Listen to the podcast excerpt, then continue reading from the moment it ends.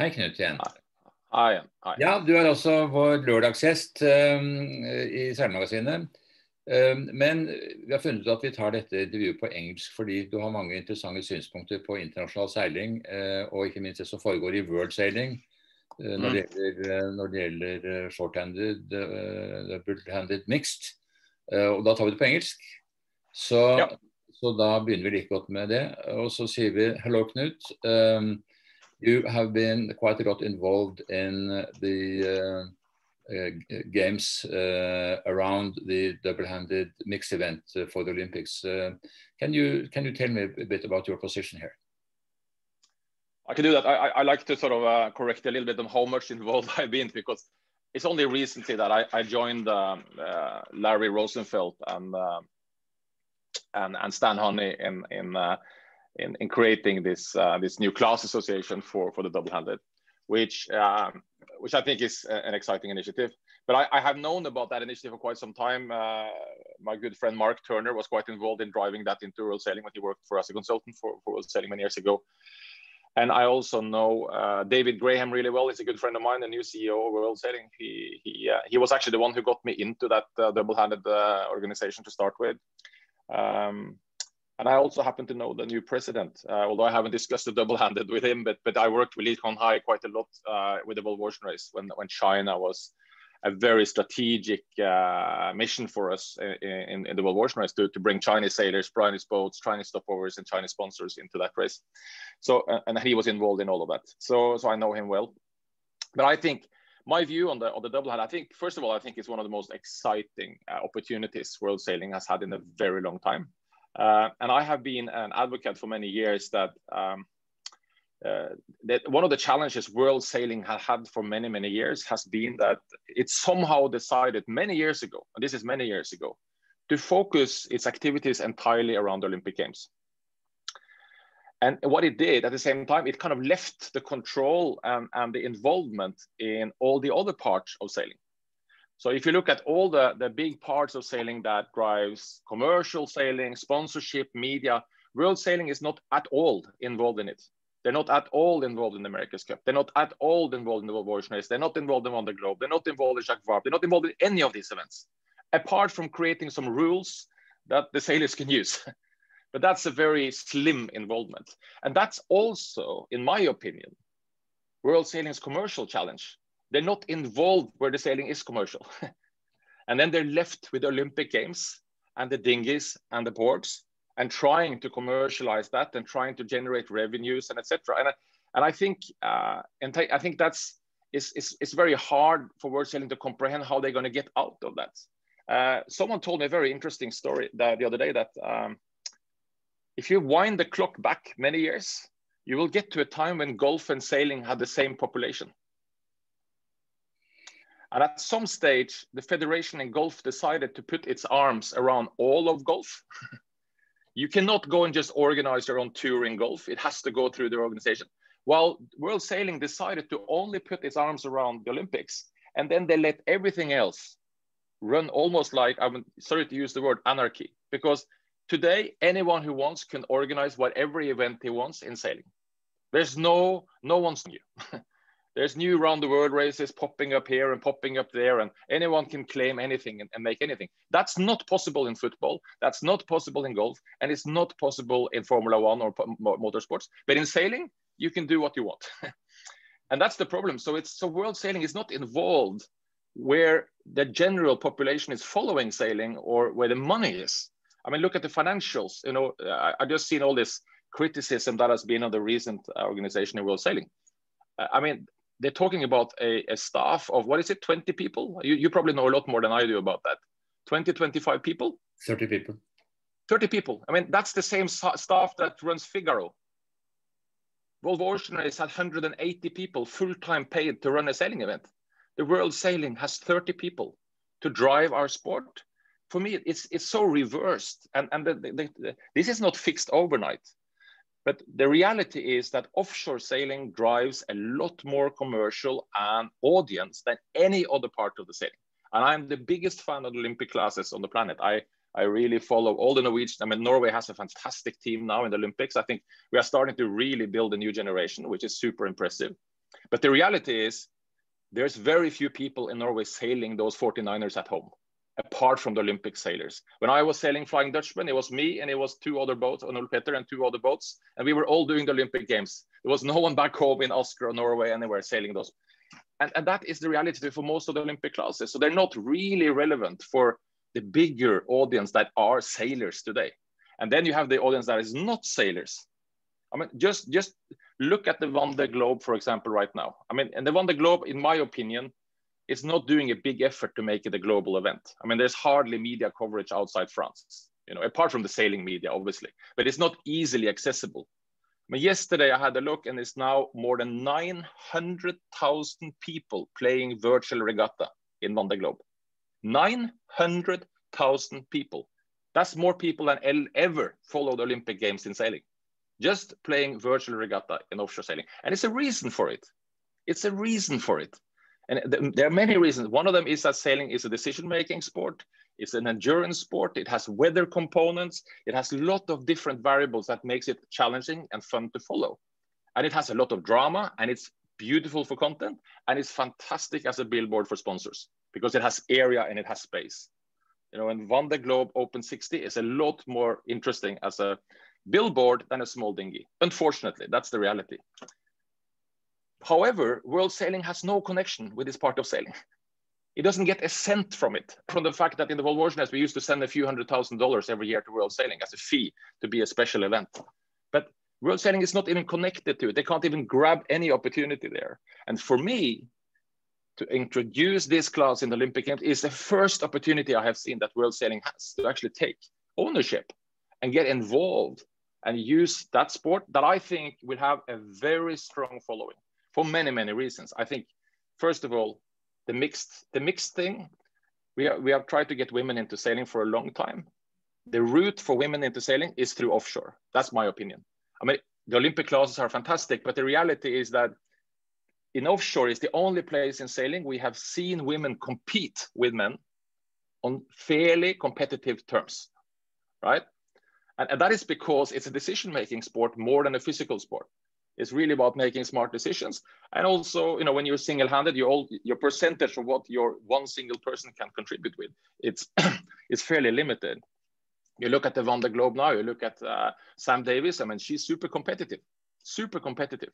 Uh, and she can even win the Vendée Globe. I wouldn't be surprised if she does actually, uh, as the rest will struggle and the new boss will struggle as well to, to get to the finish line but I think so, and, and then I think the whole the whole media concept uh, around the double-handed is in, incredibly fascinating. I mean, we can do so much more with a boat where you have space to put cameras and equipment. Uh, I mean, I'm very impressed with the uh, IMOCA sailors now. I mean, how they are producing media now compared to the last one, the Globe. Uh, I mean, you look at uh, Alex Thomson, he has an automated system on his arm where he switches cameras, he does interviews every day he, he, really makes an effort to film himself fixing the boat or whatever. The guys even film themselves with drones, single-handed. Things that is impossible to do, unfortunately, from a 49er. It's really difficult to do that from a 49er, but you can do it from a different platform. So, so for me, it's an opportunity for world sailing to connect with the wider sailing and also to get more involved in offshore. And I wish that world sailing was more involved. Stan Honey, who sits on the double uh, with me, he, he's also involved in the offshore committee in, in world sailing. And, and you know that they have just been basically busy writing rules. That's what they have done for many years. Uh, and that's not involvement.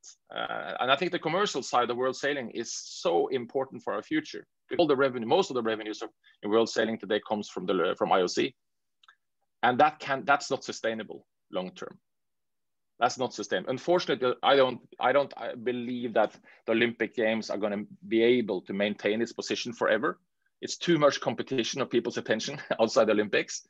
So it's not likely that IOC's revenues are growing. It's more declining. Um, and I think world sailing needs more legs to stand on. And then I think, yeah, we could speak forever about that. But I, but I think it's also fantastic timing uh, right now because what we saw in offshore sailing in the last years is that um, more and more Olympic sailors got into offshore. I mean, if you look at the last uh, two or three Volvo Ocean races, I think almost 40% of the crew came from the Olympics. 40%. I mean, Torben Grael, Olympic gold, Martina Grael, Ian Walker, Carolijn Brouwer, Annie Lush, Sally Barkow, Paul Cayard, John Kostecki, Chuny Bermudez, you know, even the guy from Abu Dhabi, Olympic uh, Beijing, uh, Chris Nicholson, I think is two or three times Olympics. All of them are Olympic sailors, and they're all into offshore sailing now. So that those two worlds has already melted, which has driven the intensity in the Olympic, the, the offshore sailing up uh, massive steps. I was quite fun uh, yesterday. I think I was watching this, the, the guys starting in the Jules Verne Trophy, where my friend Thomas Coville is having one boat, and you know Franck Cammas is having the other, which is one of the most insane match races that sailing has ever seen on the planet, right? And, and, Thomas was doing 41 and a half knots. I mean, he was sitting on 40 knot speed across the start line, right? In the middle of the night. And then, you know, you have uh, Franck starting just behind. And then suddenly they're neck and neck, side by side. And then they said, you know, this is like sailing the Volvo Ocean race, uh, just doing 40 knots. That's what they said. And that's how it has become, right? Uh, in offshore sailing, it's, it's Olympic Games, but 24 hours a day. Uh, and I think it's a fantastic story. So I, I, I think it, for sailing, it would be beautiful. Then we can argue about boats. Uh, and that seems to be a sort of typical black hole that sailing always get into, unfortunately. And you know, I've been a big promoter of getting out of that hole with the one design fleet that we built in the Volvo I still believe that is the right thing for sailing. Uh, because uh, when we let the boat designers and the sailors run the show, then it becomes about boats. And frankly, the only thing you can achieve by that discussion is disaster, in my opinion, because you end up in a cost race, technical race, uh, etc. And, and it doesn't, I think this one is an easy one to solve. Uh, there are plenty of boats you can do double-handed in. There are plenty of new good boats. And for the first time, you can get the industry involved. For the first time, we can get the, the boating industry involved. We can get Beneteau, we can get Hanse, we can get the big yards involved in the sport and, and there's a boat suddenly in the Olympics that they can sell to people that are not doing the Olympics. but you know, people talk about the cost of this boat. The cost of buying a brand new 49er or two of them that you can't sell after the games. that is the cost. I wouldn't hesitate to buy a Dehler 30 or a, a Sunfast. Uh, you know, I could sell it for a decent price two years after. Because even in Norway, I can find 50 people who wants to buy it. right? How many people do you find in Oslo who wants to buy the 49er? I mean, unless you almost give it away. so it's so I think that the technical thing is the easiest. What we should talk about, what the debate should be about, is how what this what opportunity is this for world sailing, and and how do we leverage that opportunity? How do we start to think about the media production, the graphics we can present, uh, the stories we can build, about men and women, about this whole 24 hours. It's, it's marathon. It's like long distance uh, thing. And, and I think the world now has, if you look at all the endurance sports, which have been growing tremendously in the last five, six, seven years, uh, in particular in Europe, but everywhere in the world. I mean, people are running longer now. They are running top mountains. They are doing triathlon is growing faster than ever. All the, everything about endurance, long distance, and pace is something people can relate to today. And, and that is the story. So um, I hope that we, we get into that discussion and not have too much questions about what boat should we have, because that has to be solved and, and world sailing should stop debating this and instead get on to solving it. uh, I proposal they have about leaving it late is good. I don't think it's a problem. Uh, I think I think people make this a problem because I have been doing a few Olympic campaigns myself. I remember when I did my windsurfing campaign in 1988, we did not know what board we were going to race the Olympics before the year after, the year before. Then the Lechner was decided. We all, actually, we all thought it was going to be a Swedish board called Davidson, Davidson. And we had this board. the Norwegian team had all bought Davidson board. And suddenly we all had to buy Lechners. And everyone was screaming and everyone was yelling. And then we sold it, right? The same thing. Yngling was announced as a class for women and keel boats. How many Ynglings at that time when it was announced was it around the world? How many Ynglings was it in Asia at that time? None, not one, not one, right? It was Ynglings in Norway and Denmark. so, I mean, these situations have happened every time. It's not a new thing. The difference is that if you can go double-handed offshore sailing, you can find boats pretty much in every country today. you can. It's not exactly the same boat that you will race in the games, but so what? No one knows that boat yet and, and you can achieve, I would say, a big part of the sailing. I have a lot of my old sailing friends have gotten into double-handed now because of this. even Kenny Read has started sailing offshore again, right? Uh, you have kind of left the scene completely. I mean, he's still busy running uh, North Sails, but you know now he's out sailing. You know, the best female sailors who were winning the Olympic Games a few games ago in the UK here have started going offshore sailing, and they are they have plenty of boats to sail on. They're out sailing Sunfast boats, and they're sailing some Dehler, and they're sailing some boats, and they're out training. They have plenty to learn. so yeah, so as you see, I'm engaged in it. I, I care about it because I, I, I, just see an opportunity for world sailing that I think world sailing should grab. yeah, I, I, think that uh, it's hard to argue that. Uh, the question is, um, as you say, about uh, boats and uh, how it's feasible to make this happen before the Olympics. We're talking uh, three years between the Tokyo 2021 and Paris uh, 2024. Mm. Um, we are in a very difficult financial situation around the world um, we don't know um, uh, what's going to happen. One of the reasons why shorthanded has had such a huge success uh, lately is, of course, because of the uh, pandemic, which has made uh, two people sail together rather than having a crew of 10. So, so yep. in, in a way that came as a blessing in disguise for um, shorthanded uh, sailing. And everybody agrees mm. that it is a good thing and it is uh, probably an opportunity that world sailing should grab. The question is how they can do it and how soon can they get it into the Olympics? It's going to be decided very shortly, actually, because uh, IOC mm. have their meetings uh, already. I think even this or next week, the uh, program committee will have a say on it, and then the executive committee in the middle of December will, will have a say. That I think is pretty much going to decide whether we will have that class in the uh, Olympics in 2024 or not. So if the answer is no, then uh, we have to work, or you or everybody have to work uh, to promote um, a double-handed um, mix in other arenas and prepare for 2028 when I think you have a lot more time to uh, develop a sustainable uh, class. It should be a one design class. I agree with you. With it, it should be one of the existing ones or a new class. We don't know, and it, we know that it does take some time to develop a new class. Yeah, I, I think you know I, I, think that whether it becomes Olympic class or not, I mean, uh, short-handed sailing is growing everywhere uh, and, and, it started growing last year. Uh, so, so I think, you know, uh, I mean, look at Figaro, which is a fairly expensive boat, right, to buy the new Figaro. I mean, has record numbers. Vendée Globe has record numbers. A lot of the short-handed events now, even now, Sydney Hobart has now as uh, uh, double-handed class, right? And and uh, it was a very big number entering until they announced that they didn't want a double-handed two in Hobart, which was a bit of an interesting discussion because of autopilot. So now some some some of the boats pulled out. But but I think um, I, I think this is not. Uh, we have to turn the dial. This is not about saving double-handed offshore. Double-handed offshore doesn't need world sailing. double-handed offshore will continue. It's driven by other people than world sailing today completely. It's driven by a lot of French people. It's driven by sponsors. It, there's a huge, I mean, there is more, I would say there's more full-time sailors. I would take my mouth a little bit full here. Full-time sailors in double-handed and single-handed sailing than there is almost in the Olympic Games. Full-time. There's a lot of people who make a living from this today. Hundreds, right? And, and so don't underestimate that this is a force that world sailing is not even close to. And they need to see that opportunity for them to grab it and not uh, and, and I think the only challenge they should talk about is how do we get enough boats to the countries that don't have boats, which has been the same problem from every Olympic class you had.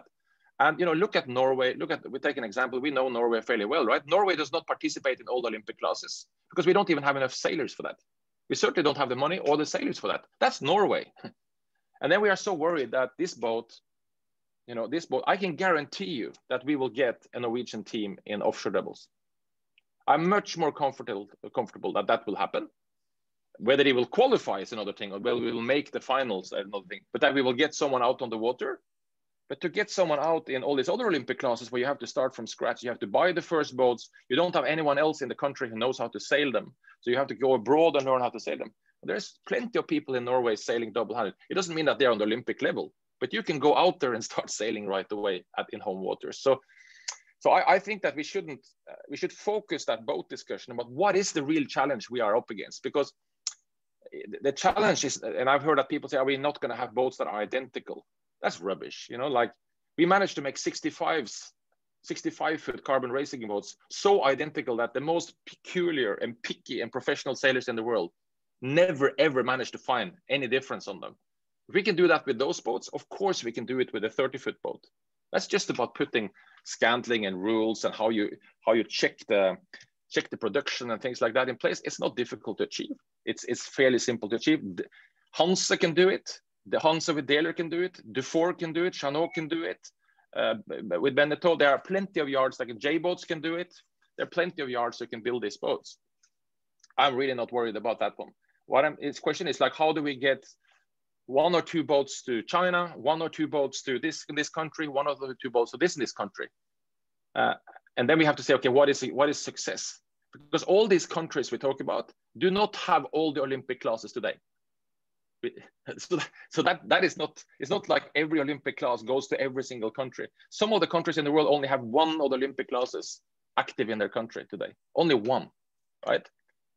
So, and that is the truth. I've been to many of these countries with the, with the World Waters Race where sailing is a de developing sport and it's starting in take, take the south of Brazil, for example, or, you know, it's an Olympic uh, country. But, you know, if you look at the wider space, take, take uh, Uruguay, take Middle East, take China. I mean, you don't see all the Olympic classes in China. You see a few, two, three of the Olympic classes, they're active. And that's how it's been for years. And I don't think it's going to change. I don't think it's going to change. Okay, well, that's, that, that is very, very interesting. We will see what happens. And, um, and anyway, you haven't quite answered uh, the challenges of having uh, a class ready for the 2024 Olympics, but that we're. Well, well, I, well, I don't understand what the problem is what is the problem? I mean, Dehler, Dehler is going to produce more than 30 boats of the Dehler 1 design way in time for that. And they can easily produce the 30 boats for, for the Olympics. What, what is the problem? I, I, I mean, I, I supply more than 40% of the sailing industry with electronics. I know them super well. I know their capacity. I know their building scale. What's the problem? I don't understand what the problem is. Beneteau can do it. There's the financial problem to buy, to pay for these boats. But I, have spoken to the, to, to, to Dehler, I've spoken to Beneteau. These guys, they, let's sit down and talk. How do you build enough boats in time? I, I don't. I just don't see the the problem. So so of course someone has to buy these boats, but God forbid, it's a lot better to have the, some of the biggest boat yards in the world. I mean, Beneteau produces more than 10,000 boats a year. to be involved in the Olympics than to start with some small little German yard that builds star boats or something like that, you know, 20 a year. And you try to figure out how am I going to get around the world. I mean, the only one in the Olympic Games that has capacity today to build boats is Starboard, to build windsurfers. And they are the only one who can get scale quickly. All the other boats in the Olympics are dependent on tiny, tiny, tiny boat yards, licensed boat yards that makes one boat at a time. you know, they make one boat in five days or 10 days or something, and then they make another boat. And Beneteau and Hanse and Jeanneau and Grand Soleil and J boats and all these yards, they have at least some scale and they have an industrial production. And they have an interest in this because they sell these boats. If we make, if we choose a boat that also has a commercial market, which I hope we will do and not do something silly and create a, a new thing. Because, so I, I, don't see that there's a capacity problem to build these boats.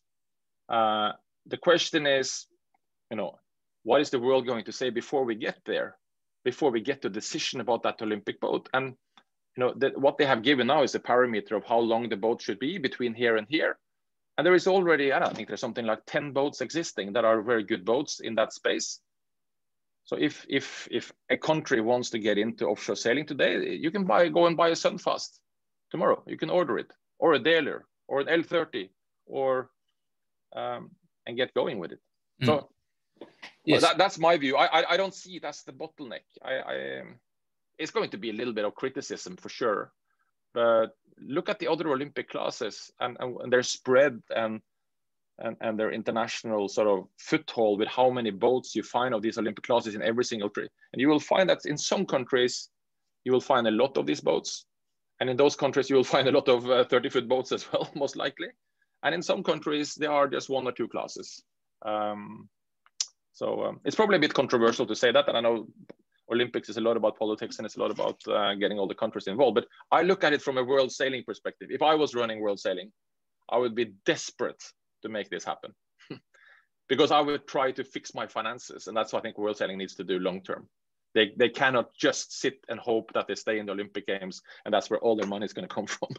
they have to have other involvements in sailing that are outside just dinghies, and boards. You go into the Olympic. I, I went into the World Sailing uh, webpage yesterday just to check how they're doing, and you you you you go on their YouTube channel, right, and you look at the videos they post. Take a look. Go and look at it. I mean, it's great. It's all about Olympics classes, and it's all about dinghies and boards, and, and most of the the videos have two, three hundred views. That is not that is nothing. That is not even touching the market. Mean, even Alex Thomson alone is like 30 to 100,000 views on every video he posts now in, in the, on the globe alone on his own page, not on, on the globe's page. So then world sailing needs to get in where, where sailing has a strong interest. They should stay with the Olympic classes, but they need to move their focus into where the future is and where they can leverage the sport, where they can get involved in media, in content, communication with a wider audience recruitment, you know, courses, drive new people to boating. I mean, this year has been the biggest year in boating's, almost boating's history with newcomers coming into boating. It's been an amazing, despite the pandemic we are in. In the US, we think we're going to sell 300,000 new, new, new powerboats this year.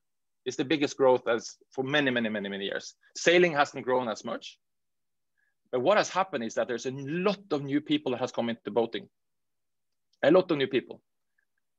And that's where world sailing needs to be on the agenda because sailing is more difficult to get into than powerboats. Powerboats have had it, most of that growth comes from powerboats. Sailing has actually struggled, in particular through the first six months, because it's difficult to buy a sailboat. You, you both have to buy a boat and you have to learn to sail. you buy a powerboat, you, you turn the key, and you can pretty much drive a powerboat. It's not that difficult to drive a powerboat. And that means that the barrier to buy a sailboat is that you need to come with education and training. Here in the UK, where I live, the RYA is the best in the world on this. They drive education everywhere. I mean, you can walk even up and down Thameson, and it's like sailing training and courses and you know offshore captain courses and all these things. And they get people in. That's where world sailing should be, but they're not. It's not world sailing that's driving that agenda. They need to be on the the, the part of sailing that most people are going to meet, most people are going to experience, and most people will follow. Uh, that's my mission. That's, that's, that's what I think is important.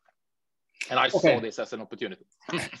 okay, so much about world sailing and uh, offshore double. Um, a very yeah. convincing argument, and I think that you are right. It's the it's the future. Uh, short-handed uh, and mixed is very much uh, a part of the future, and the world sailing certainly should uh, reap from that. there is no mm. doubt about it.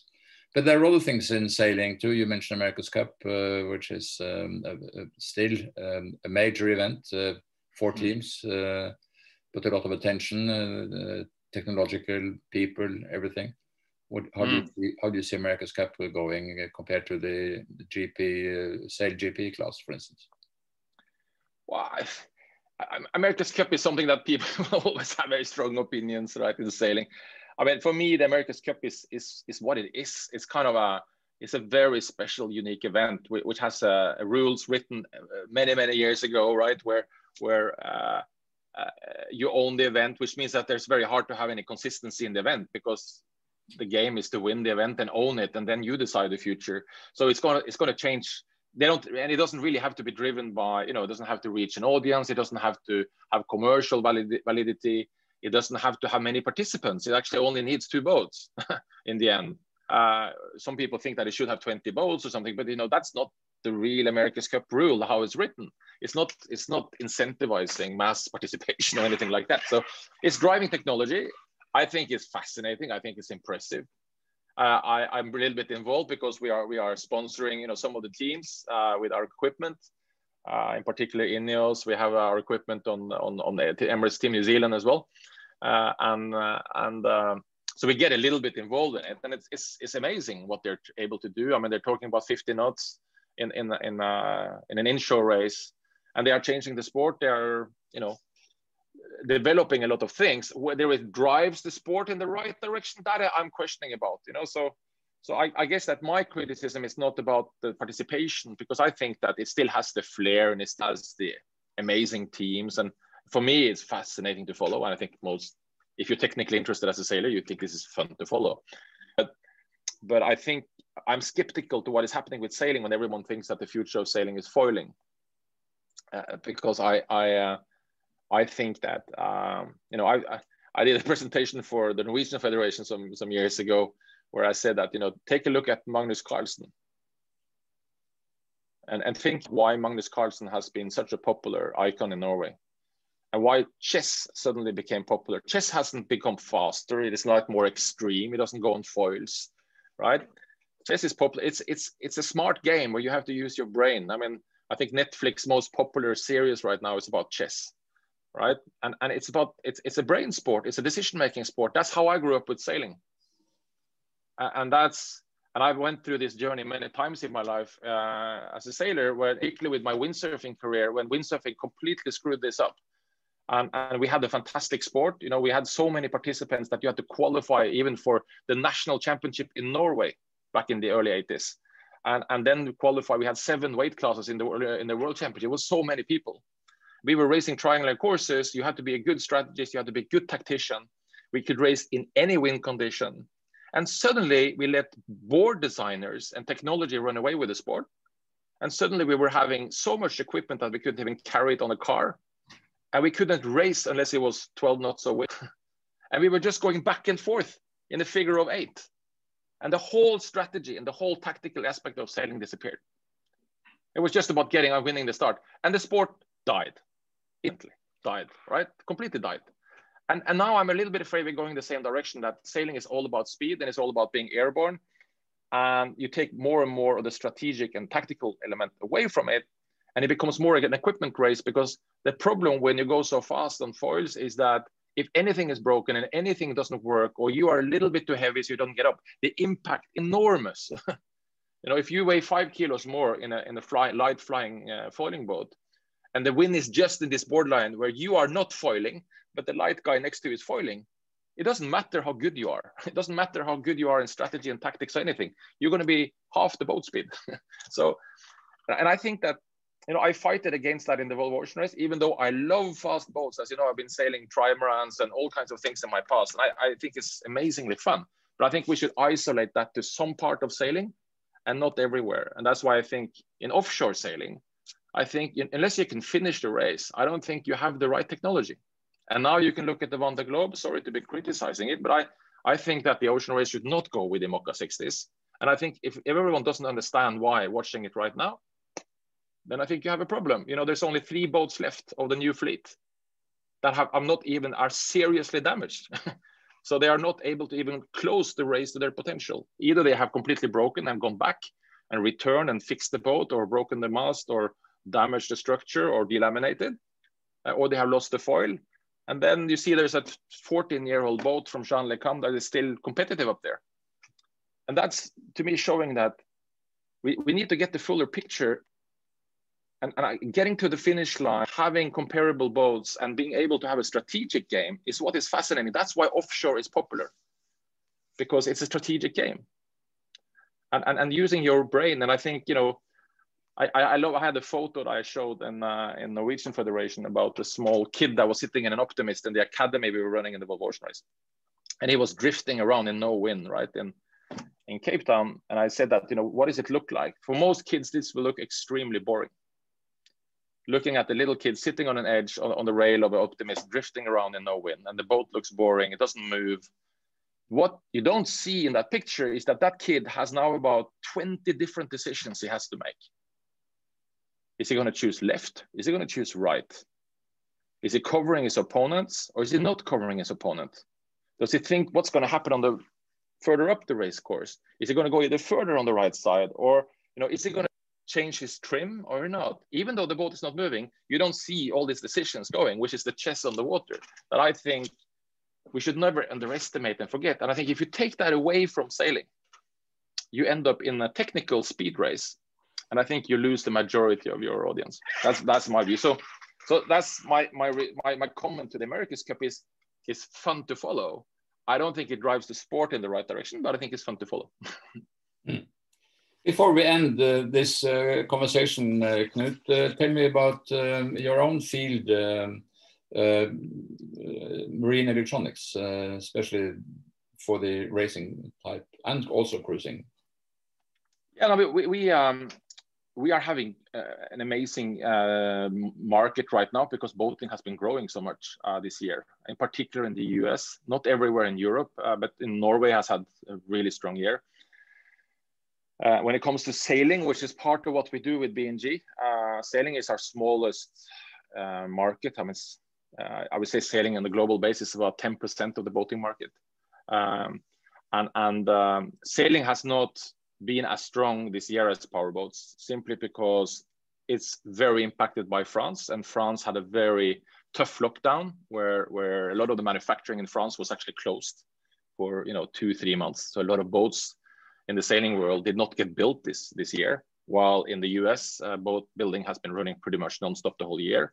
Uh, in Italy as well quite strong so sailing has a little bit, but right now we are seeing a very strong trend in sailing. Uh, we are seeing more people getting into sailing.